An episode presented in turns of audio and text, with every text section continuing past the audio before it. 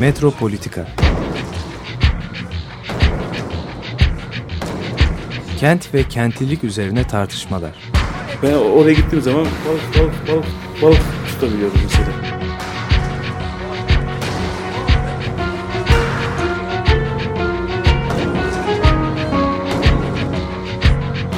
Hazırlayan ve sunanlar Aysim Türkmen ve Korhan Gümüş. Takusuyor ya. kolay kolay boşaltamadı. Yani elektrikçiler terk etmedi Perşembe Pazarı merkezini.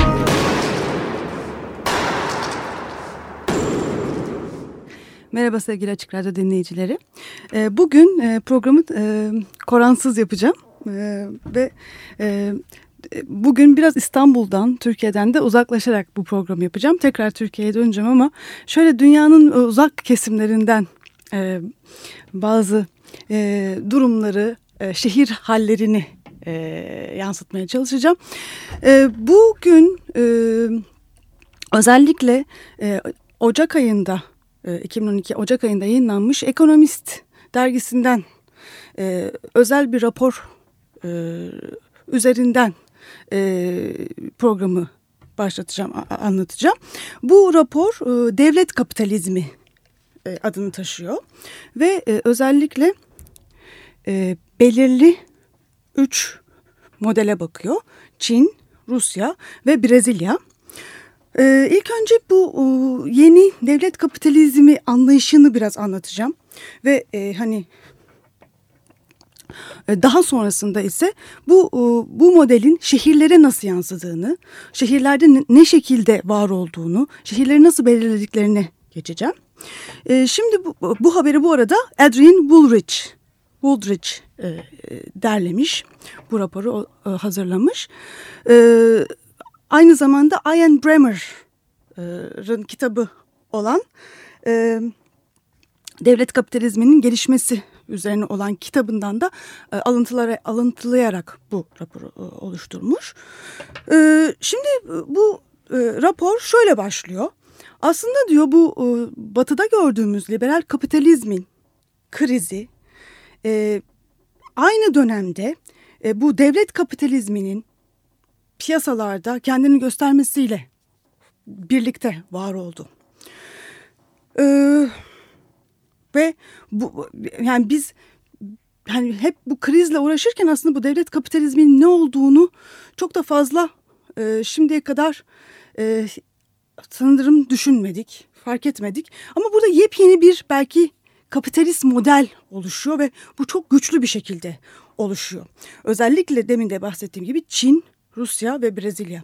Burada e, sadece bu üç e, ülkede değil, Hindistan, e, Birleşik Arap Emirlikleri, hatta belki daha sonra biraz e, düşün, üzerine düşün, düşüneceğimiz Türkiye bile bu yeni modelin içinde düşünülebilir. Yani aslında zaten hani amacım hani bu e, farklı e, bakış açılarından Türkiye'ye bakabilmek. Hep biz batıdan bakıyoruz ama aslında bambaşka modeller, bambaşka deneyimler var oluyor ve hani şu, Türkiye'de olan biteni de anlamak için belki de bu modellerin üzerinden yaklaşmakta fayda var.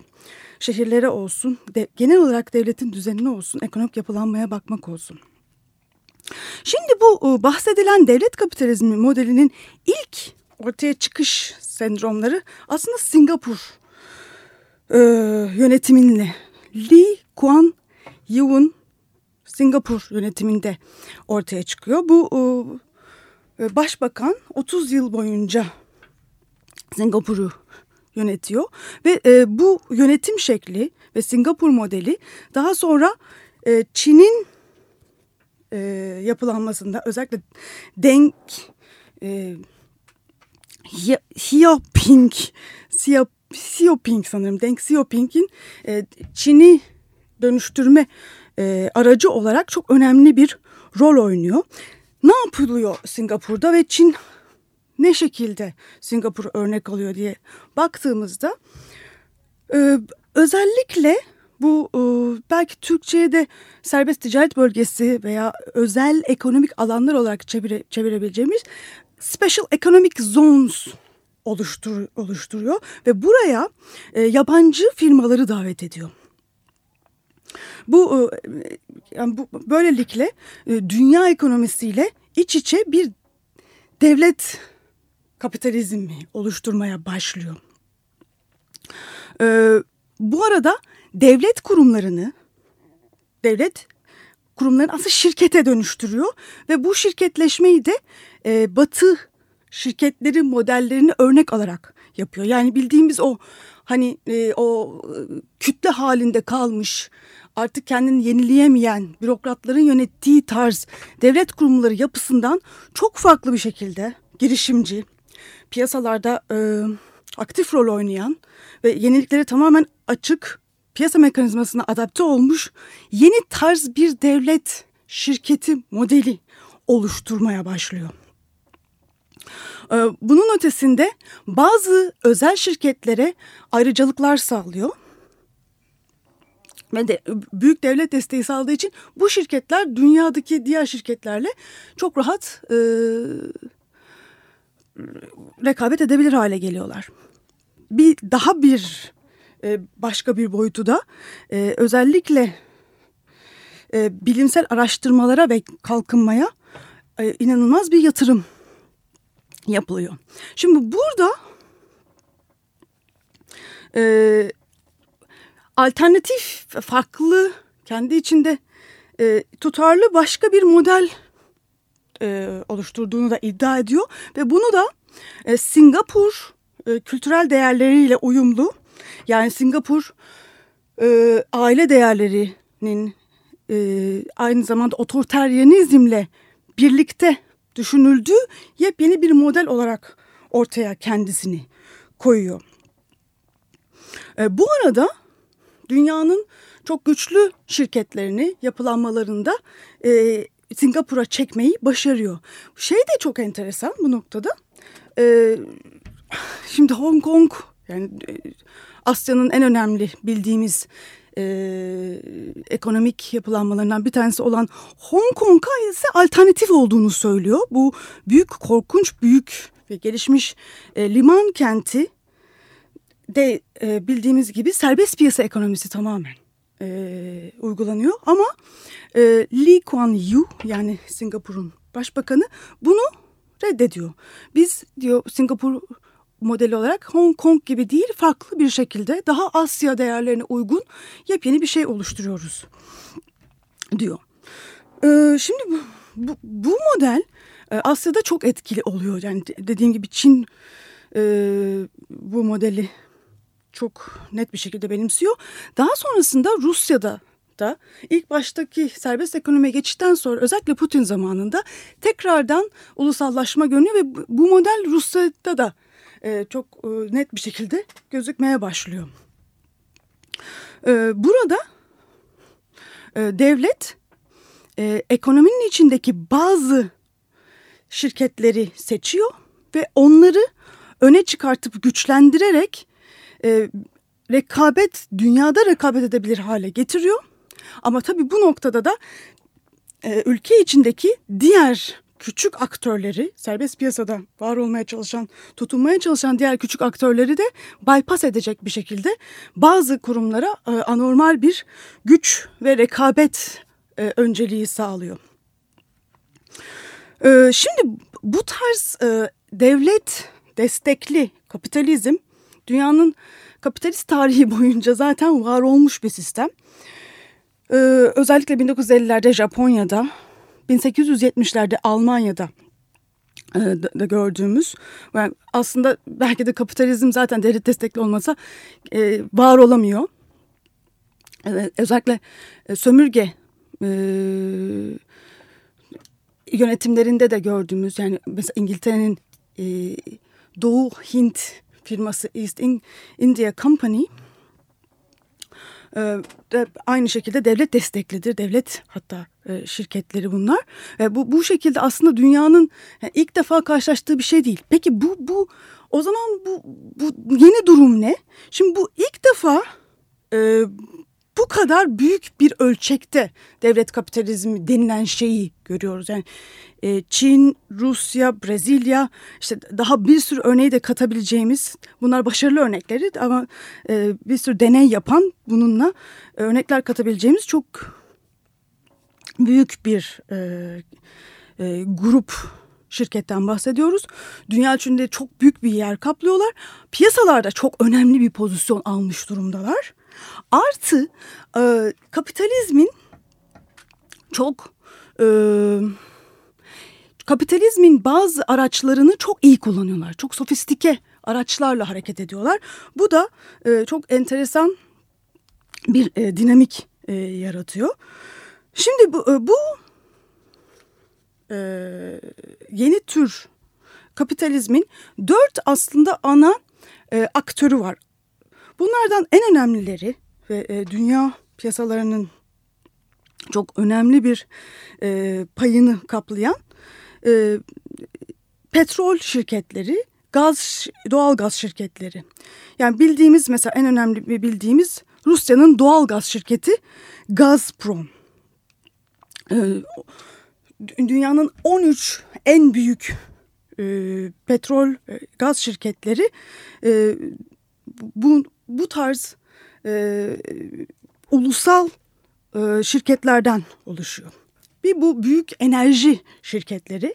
İkincisi e, devlet tarafından de, devlet e, şirketleri. Bunlar illa hani e, enerji şirketleri olmak zorunda değil. Her çeşit şirket olabiliyor. Telefon şirketleri, mobile, mobile phone şirketleri. Ee, mesela liman şirketleri. E, Emirates gibi Arap Emirlikleri'nin e, hava hava yolu şirketleri. Bu, bu gibi e, şirketler olabiliyor. Daha önce de bahsettiğim gibi üçüncü bir aktör devlet tarafından desteklenmiş özel şirketler. Bir dördüncü durum var ki bu belki de zaten en enteresan kısmı bu devlet kapitalizmi dediğimiz e, yeni durum kapitalist durumun. Bu da ulusal yatırım fonları diye Türkçe'ye çevirebileceğimiz sovereign wealth funds. Ulusal varlık fonları ya da ulusal fonlar diye de e, TÜSİAD e, böyle bir rapor hazırlamış. Türkçe'de de bakıp bulabilirsiniz. Şimdi e, bu aslında bu, bu, ulusal varlık fonları çok e, yeni ve e, enteresan bir araç. E, 2005'te ilk defa e, bu terim ortaya çıkıyor e, ve e, bu, bu bu ulusal varlık fonlarını Dubai, Libya, Katar, e, Gün, Güney Kore, Vietnam e, ilk başta oluşturuyorlar. E, daha sonra Abu Dhabi, Saudi Arabiya, e, Birleşik Arap Emirlikleri, Çin, Rusya'da bu e, fonlarla e, yepyeni bir düzen oluşturmaya başlıyorlar. Şimdi bu fonlar ne? Bu fonlar aslında e, devletin yatırım portfolyoları e, ve e, aslında e, resmi rezervlerin dışındaki birikimlerini topladıkları ve e, döviz rezervlerini e, oluşturdukları fonlar. E, bu fonlarla e, e, bu büyük devletler Çin, Rusya, işte e, Birleşik Arap Emirlikleri e, dünyada gidip e, diğer ülkelerden e, büyük dünyadaki diğer ülkelerde büyük yatırımlar yapmaya başlıyorlar. Türkiye örneğinde e, bildiğimiz mesela Dubai e, yatırımcıları e, bu şekilde Dubai Holding bu şekilde var oluyor. Mesela o e, e, Towers, Dubai Towers e, Dubai Holding tarafından bu e, ulusal fonlar üzerinden e, çalışıyor ve bu şekilde e, yurt dışında yatırımlar e, yapmaya başlıyorlar.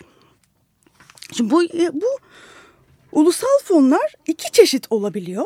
Bunlardan bir tanesi e, tasarruf fonu, savings funds olarak işliyorlar.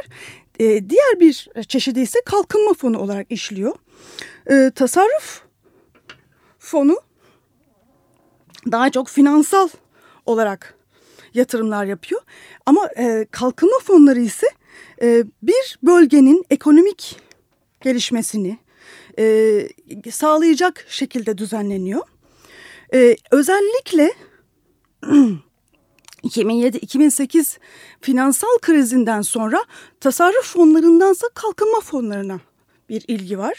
Ve bu aslında bir yandan da e, a, hani bu son dönemde gördüğümüz e, Katar, Abu Dhabi, Doha'da gördüğümüz bu e, müthiş yatırımların da belki de e, çıkış noktası diye de düşünebiliriz. Çünkü e, böyle hani bambaşka bir artık e, bölgesel gelişme, kültürel, bilimsel gelişmeyi sağlayacak bir şekilde bu fonlar oluşturuluyor. E, bugün Abu Dhabi'de müthiş bir mesela kültürel e, müzelerle olsun, üniversitelerle olsun müthiş bir e, yarışa katılma ve burada e, rekabet edebilecek derecede güçlü kurumlar kurma şey görüyoruz. Aynı şekilde Doha'da bunlardan bu örnekleri görmeye başladık. Bunlardan bahsedebiliyoruz. Şimdi bu hani hakikaten bu yeni tarz araçlar, kurumlar, e, yönetim biçimleri e, dünyayı sanırım bambaşka şekillerde yeniden oluşturuyor. E, var olan kapitalizme de yepyeni bir rekabet alanı açıldığını görüyoruz ve bunun aslında bu bu bu durumun da en hani gördüğümüz kendini belirt gösterdiği, oluşturduğu, görkemini sahnelediği yerde şehir. E, bu e, bu şehir kısmı e, dolayısıyla aslında hani e, şehirdeki görkemleri e, anlamak, şehrin e, genel yapısını, şehirlerin yeni oluşan genel yapılarını anlamak açısından e, çok bambaşka bir bakış açısı oluşturduğunu düşünüyorum. Bildiğimiz tarzda e, ba bakamayız artık ve bu, bu şekildeki ekonomik gelişmelerin ışığında da şehirleri görmek ve şehirlerin üzerindendeki yeni şehirlerin üzerinden de yeni ekonomik gelişmeleri algılamak gibi bir e, yeni durumla karşı karşıyayız sanırım. Bu e, hiç e, pozitif de olmayabilir tabii. Hani görkem, kalkınma, e, alternatif modernizasyonlar diyoruz ama hiç e, pozitif olmayabilir ama gene de anlamak açısından ne olduğunu görmek açısından e, iyi bakmakta fayda var diye düşünüyorum. İsterseniz kısa bir müzik arası verelim ve bu gelişmeleri şehirler üzerinden nasıl takip edebiliriz, nelere bakabiliriz biraz onlardan bahsedelim. Şimdi e, ilk parça e, Yoav'dan dinliyoruz Moonback.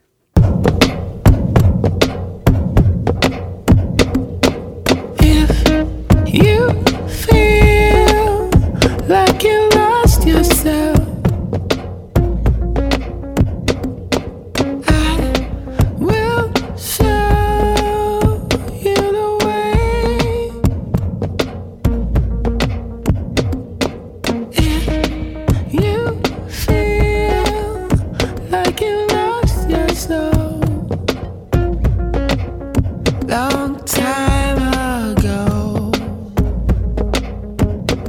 just slow spin down to old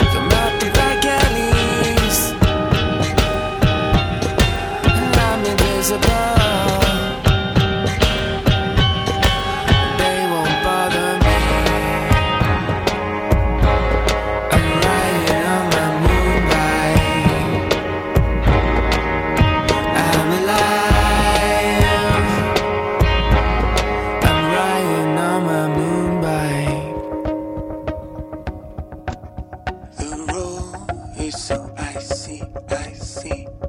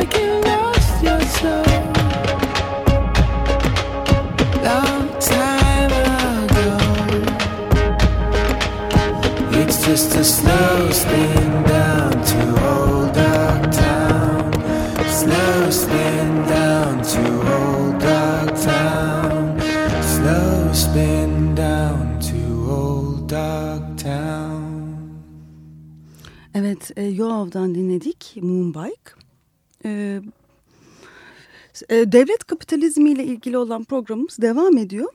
E, bugün e, 2012 e, Ocak ayında yayınlanmış Ekonomist dergisindeki özel bir rapor üzerinden e, programı başlattık. E, bu raporla biraz daha devam edeceğiz. Daha sonra e, bu raporla da bağlantılı dünya şehirlerinin yeni konumları, yeni dünyasallık üzerinden e, e, yapılan bir çalışma e, üzerinden programı devam ettireceğim. Şimdi bu devlet kapitalizminin nasıl oluştuğu, ne olduğu üzerinden gidiyorduk. Çok kısa bir şekilde bazı notlarım, hani demin atladığım bazı notları da aktarmak istiyorum. Şimdi bu devlet kapitalizmini uzun süredir hatta hala biz şey diye görüyoruz. Hani liberalizme, liberal ekonomiye geçişte bir basamak. E, halbuki e, gitgide diyor bu rapor. E, bu e, kendini sürdürebilir bir model haline getiren güçlü bir alternatif e, kapitalist yapılanma e, oluşuyor, oluşturuyor. E, bu özellikle e, Çinliler e, kapitalizmi daha iyi çalışacak bir şekilde yeniden yapılandırdıklarına inan, inanıyorlar ve gitgide daha fazla dünya lideri de e, Çinlilere katılmaya başladı. Daha böyle düşünmeye başladı. Ee, mesela Brezilya hükümeti de 1990'larda e, özelleştirmeyi e, öne çıkaran Brezilya hükümeti de şimdi e, Petrobras gibi büyük Vale gibi büyük e, şirketlerle e, e, dünya rekabetine giriyor, dünya piyasalarına giriyor ve e, küçük şirketleri e, bir araya getirerek Brezilya'daki küçük şirketleri büyük şirketler haline gelmeye zorlayarak e, bambaşka bir e, durum yaratıyor. Aynı şekilde Güney Afrika'da bu modelle flörtleşmeye başladı deniliyor. Bence e, Türkiye için de e, bu, yani dünyadaki bu gelişmeleri e, dikkate almakta çok büyük hakikaten e, fayda var. E, şimdi bu e, bu modelin e, şehirle e, ne alakası var dediğimiz zaman e, çok e, birebir bir e, şeyini görebiliyoruz. Çünkü bu e, bu tarz büyük e, devlet şirketleri özellikle son e, 15 yıl içinde e, çok e, önemli bir şekilde şehirleri yeniden yapılandırdı, yapılandırıyorlar. Nasıl yapılandırıyorlar? Büyük görkemli e, alanlar, büyük görkemli binalar inşa ederek. Bunların en önemli, en belki de e, dünyada şu ana kadar e, sükse yapmış e, ve e, adı duyulmuş e, şeylerden bir tanesi Çin televizyon Çin Merkez Televizyon Binası Rem Koolhaas tarafından e, yapılmış olan ve Beijing e, gökyüzünü gökyüzünde e, görülebilen kendini bir e, e, dev bir şekilde ortaya koyan bu e, CCTV diye bildiğimiz bu bina. E, bundan, bundan başka Malezya'nın e, petrol şirketinin yaptığı 88 katlı Petronas e, kuleleri var. E, bundan başka e, bu Kuala Lumpur'da bu Petronas kuleleri.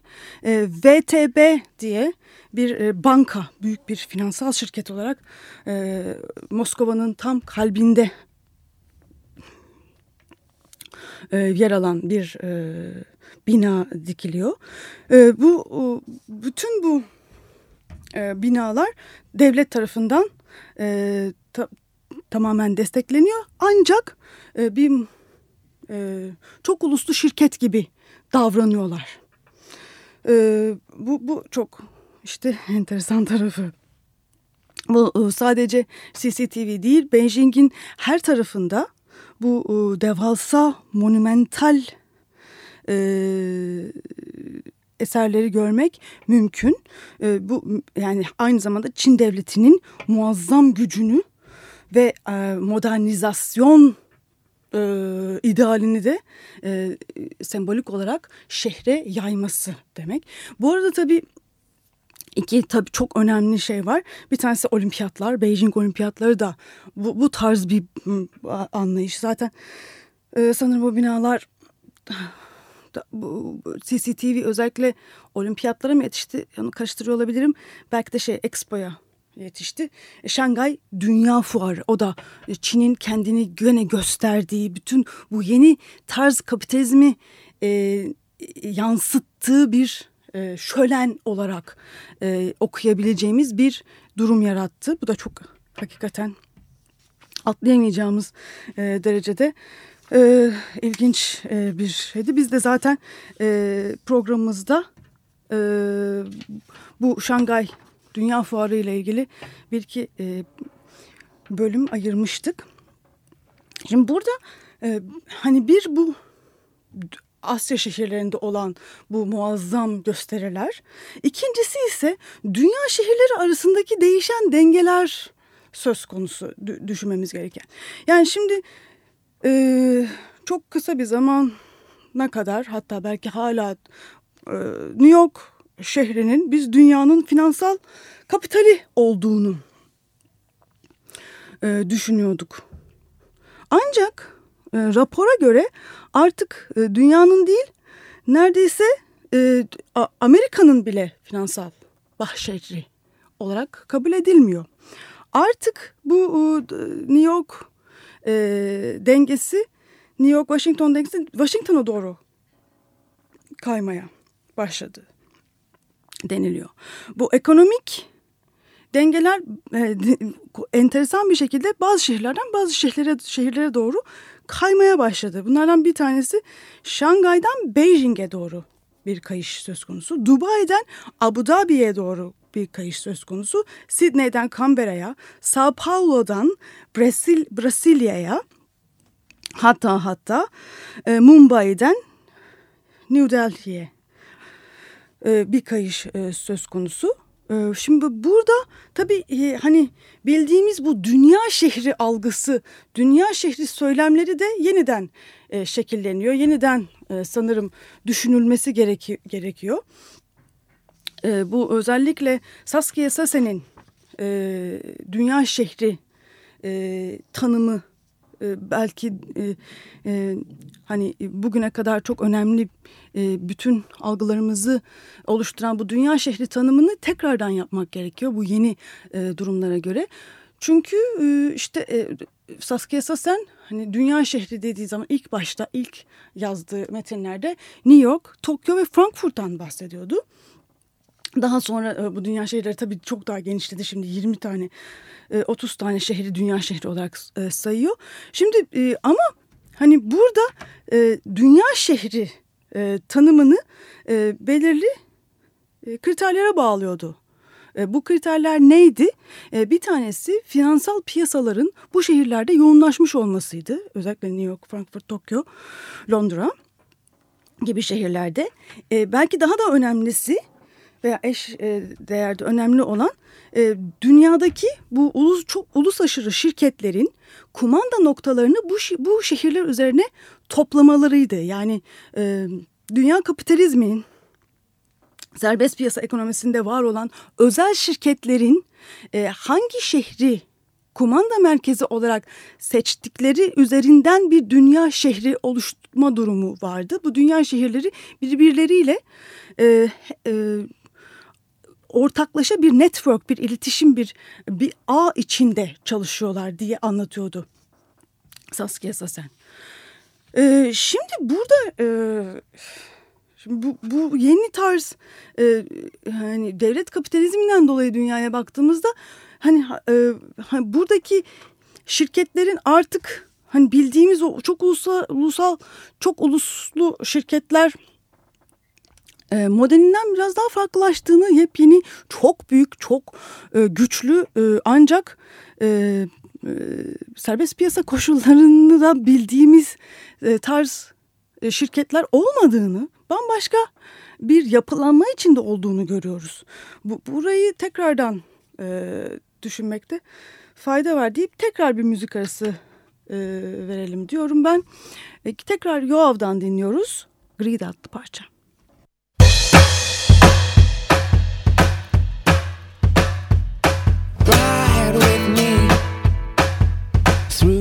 Mansion, ground the board security. Another pack of hounds ride with me through the electric gate to where the wild old world and a cageless creature's wait. Ride with me, top down, we'll take it in last time around.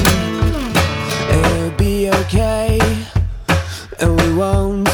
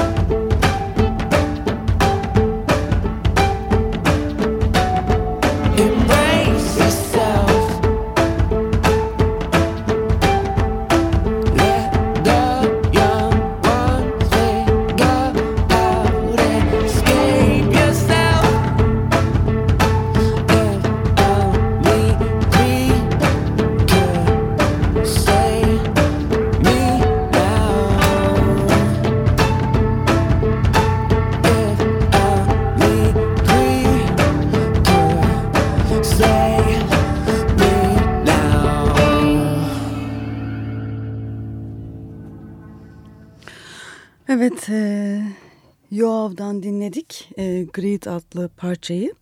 E, bu e, devlet kapitalizmiyle ilgili olan e, e, özel rapor üzerinden gidiyoruz ekonomiste yayınlanmış olan. E, ancak şimdi bu e, devlet kapitalizminin dünya şeyleri nasıl etkile, etkilediği üzerine e, yoğunlaşıyoruz şimdi. Ve e, bir kitap yayınlandı 2010'da. Bu kitabın üzerinden e, bağlantı kurmaya çalışacağım. Bir to toplama bir kitap. Ananya Roy ve Aiwa Ong Worlding Cities or The Art of Being Global e, adlı kitabı. Yani e, şehirlerin dünyalaşması ya da dünyalaştırılması e, diye çevirebiliriz ve global olma sanatı. Böyle bir kitap. Şimdi özellikle burada Ayva Ong'un giriş yazısı ve kendi makalesi üzerine yoğunlaşmak istiyorum. Bazı örnekleri de diğer makalelerden alacağım. Şimdi burada Ayva Ong bu e, dünyasallaşmanın ne olduğuna, yeni yeni dünyanın nasıl oluştuğuna, yeni dünya şehirlerinin nasıl oluştuğuna e, bakıyor. E, burada var olan bu Saskia Sassen'in ya da daha önceki başka dünya şehri kategorilerine biraz eleştirerek, biraz kritik yaklaşarak ve onların dışında başka bir bakış açısıyla oluşturduğunu bu yeni düşünceyi, yeni e, tanım oluşturduğunu e, söylüyor. E, bu nasıl, e, bu yeni dünyalaşma nasıl oluşuyor? Bu özellikle Asya şehirleri e, olduğunu söylüyor ve bu Asya şehirleri e, daha önce olduğu gibi yani işte e, Atatürk'ün mesela işte Henry Prost'u davet edip bir e, Avrupa İstanbul'u bir Avrupa şehri haline getirme vizyonu e, ya da e, işte e, daha başka Asya liderlerinin işte Nehru'nun e, bazı e, Fransa'dan Le Corbusier'i e, davet edip e, o, ve e, bir e, Hint şehrini e, adlı Hint şehrini yapılandırması gibi e, evrensel bir modele uydurma şehirleri yapma yerine böyle bir şekilde özellikle e, Avrupa şehirleri modelleri üzerinden yapılandırma, bir eksik hissedilen bir şeyi doldurma e, e, yerine artık yeni tarz globalleşmede Asya şehirlerinin model alındığını söylüyor. Bu yeni globalleşme model alma şehirlerin birbirleriyle özenmesi, etkilenmesi, etkileşimi üzerinden oluşuyor. Yeni tarz e, bir e, dünya şehri e, oluşuyor diyebiliriz. Şimdi burada aynı ekonomik modelde olduğu gibi herhalde en önemli modellerden bir tanesi Singapur modeli. Ee, e, Singapur modeli gene ekonomik modeldeki e, Hong Kong modeliyle e, kendini e, Hong Kong modeline göre kendini konumlandırıyor. E, Hong Kong kendisini e, Asya'nın dünya kenti olarak lanse ederken Singapur kendini e, iş hayatı ekosisteminin bilgi kesişim noktası olarak lanse ediyor. Buna, bu şehirlerden bir tane bir diğeri de özellikle model alınan şehirlerden bir tane bir diğeri de Şangay. Yani üç şehirden bahsediyoruz. Ee, eski model e, New York, Londra, Paris yerine artık Singapur, Singapur, Şangay ve Hong Kong modelleri yeni şehir tasavvurlarını belirliyor. Ee, şimdi bu, bu bu bakış açısında e, art, bu, bu bakış açısında e, Ayvaung şunu söylüyor. Yani global kapitalizmin kendini dayattığı mutlaka hani e, belirli şekillerini, belirli gösterilerini uygulattığı bir şek e, bir şekilde düşünemeyiz artık bu yapılanmaları. Bu yapılanmalar kendi başlarına var olan kendi modellerini, kendi referanslarını birbirleriyle olan ilişkilerini belirleyen e, yeni tarz bir durum oluşturuyorlar diyor. E, bu, bu bakış açısını aynı zamanda e, postkolonyal e, bakış açısı da değil bu diyor. Ya postkolonyal bakış açısını da kullanamayız diyor. Yani ne e, dünya sistemi, dünya kapitalist e, sistemi olarak aynı sistemin değişik yerlerde kendini uyguladığı bir sistem olarak görebiliriz. Ne de postkolonyal e, bir bakış açısıyla e, yani e, ya da post Sovyet post komünist bakış açısıyla görebiliriz. Yeni baştan tekrardan bunu düşünüp tekrardan bakmamız gerekiyor diyor. Bu yani kentleri aynı forma sokan, kendi formlarını dayatan mekanizmaları e, gör, mekanizmalar olarak görmek aslında olan e, yeni durumları gözden kaçırmak e, demek oluyor. E, yeni şehirlerde yeni modeller, yeni kapitalist modeller, e, şekiller deneniyor. Birbirleriyle ilişkiye geçiyorlar. Birbirlerine referans alıyorlar. E, bazıları başarılı oluyor, bazıları da başarısız oluyor tabii ki. Yani bu daha e, kesinlikle e, şey söz konusu değil. Hepsinde mutlaka bu modeli e, alıyor diye, örnek alıyor diye başarılı olmada söz konusu değil. E, şimdi Ayva Ong'un bu e, yeni dünya şehirleri üzerinden baktığı modeline en e, ilginç örneği de e, Rem Koolhaas'ın e, CCTV'si. E, e, buna bakmak e, enteresan olabilir. Ayva Ong CCTV'den bahsediyor. İsterseniz gene bir kısa müzik arası verelim ve bu Rem Koolhaas'ın e, Çin'de inşa ettiği e, Çin televizyon binası üzerinden bu e, şehirlerin yeni yapılanmasını okumayı deneyelim. Radiohead'den dinliyoruz. Kattos.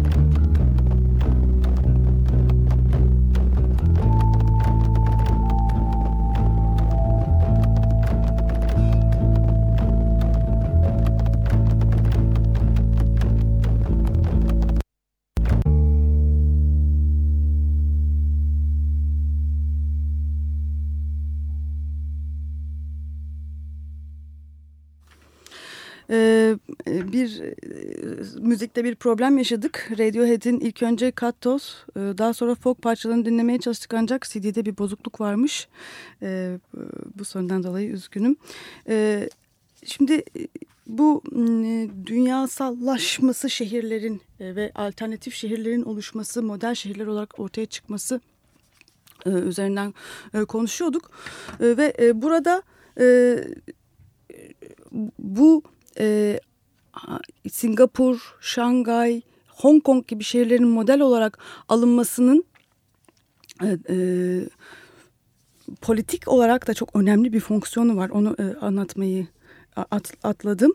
E, çünkü artık e, e, bu ülkelerdeki, bu şehirlerdeki yaşayan insanlar için de ayrı bir meşruiyet oluşturuyor. Yani biz kendi kültürel değerlerimize daha yakın örneklerle artık çalışıyoruz gibi bir e, düşünce oluşturuyor. E, yani Batı'nın e, e, üzerimize empoze ettiği modelleri almak durumunda değiliz. Farklı modellere, farklı yapılanmalara gidiyoruz. Kendi modellerimizi oluşturuyoruz, kendi referanslarımızı oluşturuyoruz gibi alt, e, hani Batı'nın e, bu e, dayatılan kapitalizmini dışında bir alan yaratma e, durumunu vurgulayarak e, bambaşka bir politik güç de elde ediyor tabii bu o, e, e, yönetimler. Şimdi e, bunların tabii buralarda da çok büyük e, e, ikilemler, ironiler, işte e, kent içinde e, karmaşalar mevcut. Bunlardan hani bu, belki burayı en iyi görebileceğimiz şeylerden bir tanesi bu CCTV. E, Çin televizyonu. Bu e, Çin televizyonu çünkü Rem Koolhaas tarafından e, yapılıyor. E, bir yandan bu devletin muazzam gücünü ortaya koymak için müthiş ve dünyadaki kapitalizmin içinde ben de varım demek için müthiş bir araç. Ama diğer yandan da Rem Koolhaas bir Hollandalı mimar yapıyor. E, bu konuda da tabii enteresan e, Çin'in içinde de bazı dinamikler e, ortaya çıkıyor. Şimdi bu bina e, Beijing'in e, yeni e, iş merkezinde, merkezi iş merkezinde e, yapılıyor.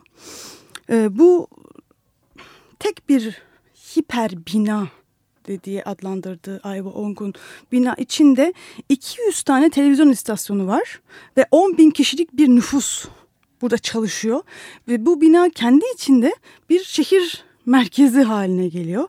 Ee, öyle bir e, ve kendi içine kapalı bir e, merkez. E, sanki Pentagon gibi e, diyor Ayva Ong.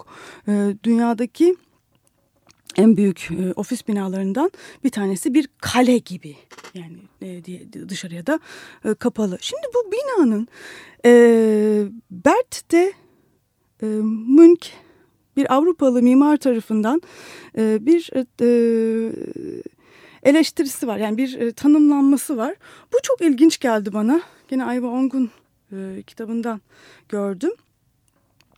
E, bildiğimiz gökdelenler bu e, gösterişli büyük binalar genelde e, falik semboller e, olarak kendilerini ortaya koyarlar. Yani gökyüzüne doğru uzanan bir e, iktidar e, gö göstergesi olarak kendilerini konumlarlar.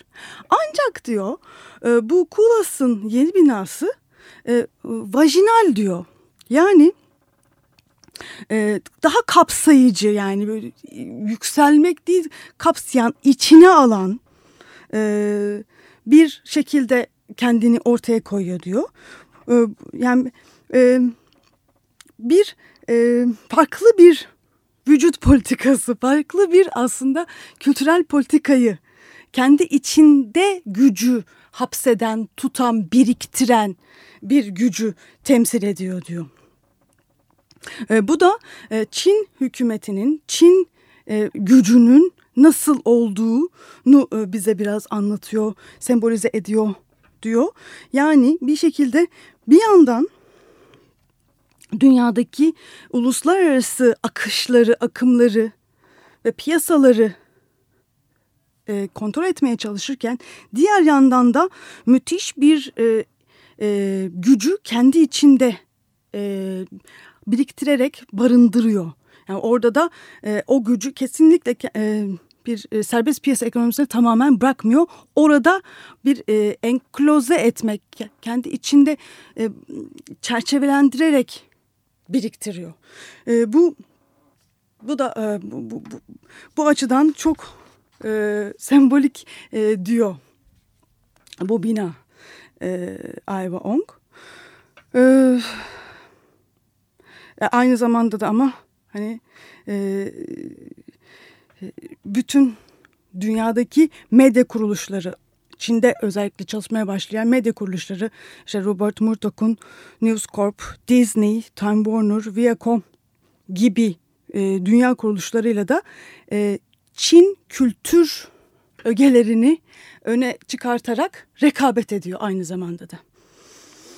Ee, programın sonuna yaklaşıyoruz. Tabii çok enteresan bir sürü e, detay küçük e, örnekler e, yani CCTV gibi diğer başka örnekler de var. Belki diğer programlarda bunlardan da bahsedebiliriz ama hani burada belki son nokta olarak şunu söylemek lazım. Yani burada farklı bir alternatif bir kapitalist oluşum görüyoruz ve bunun en iyi e, izleyini süreceğimiz yerde şehirler, bu devasa binalar e, ve e, farklılaşan dünya şehri tanımları. E, tabii burada müthiş denemeler, yanılmalar, e, yeni tarz ilişkiler söz konusu. E, büyük bir hani gelişme, büyük bir başarı e, da görüyoruz elbette ki. Yani bunu, bunu, bunu görmemek imkansız. Özellikle Çin örneğinde. Hani bir, bir şey var. Ancak bütün büyük projelerde büyük çaplı güç oyunlarında her zaman spekülasyonlar, her zaman çok büyük riskler de var. Bunu da görme, görmemiz gerekiyor. E, her zaman e, programlarda söylediğim bir şey var. Bu e, dünyanın en önemli şehir projelerinden bir tanesi olan e, Paris'in yeniden inşası, inşası 1850'lerde Osmanlı tarafından yapılan Paris'in yeniden inşası biliyorsunuz Paris'i batırıyor. E, tabii bu, bu, bu tür büyük gösterişli, büyük e, büyük hamlelerde, şehir hamlelerinde ve e, kapitalist hamlelerde her zaman çok büyük risklerde söz konusu. Çin'de tutan Malezya'da hiç tutmayabiliyor. Alay konusu olabiliyor böyle gösterişler, böyle büyük e, alay işler. E, ama e, yani bir şekilde hani bütün e, bu kendini ortaya koyma formlarına iyi bakıp nerelerde belirsizlikler, nerelerde riskler taşıdığını da e, birlikte herhalde görmemiz gerekiyor. Evet bu hafta e, dünyanın farklı şehirlerinden, e, farklı e, coğrafyalarından e, bir bakış e, sunmaya çalıştım. Türkiye'ye gelemedik ama belki e, bu e, programda ba, e, bahsettiğimiz bazı unsurlarla tekrar tekrar Türkiye'ye döneriz. E, destekleyicimiz Ulvi Tampolat'a çok teşekkür ediyoruz. Bu haftalık da bu kadar e, diyoruz. İyi haftalar.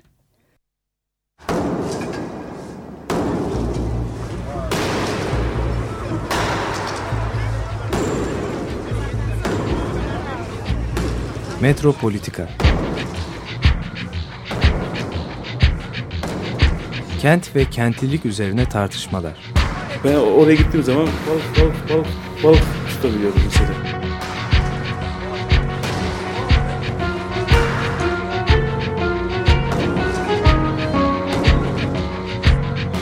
Hazırlayan ve sunanlar Aysim Türkmen ve Korhan Gümüş.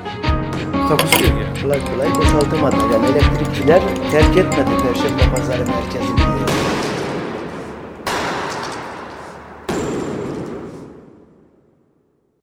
Açık Radyo program destekçisi olun. Bir veya daha fazla programa destek olmak için 212 alan koduyla 343 41 41